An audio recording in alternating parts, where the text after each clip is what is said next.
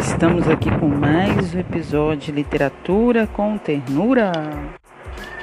Estamos aqui com mais episódio de Literatura com Ternura.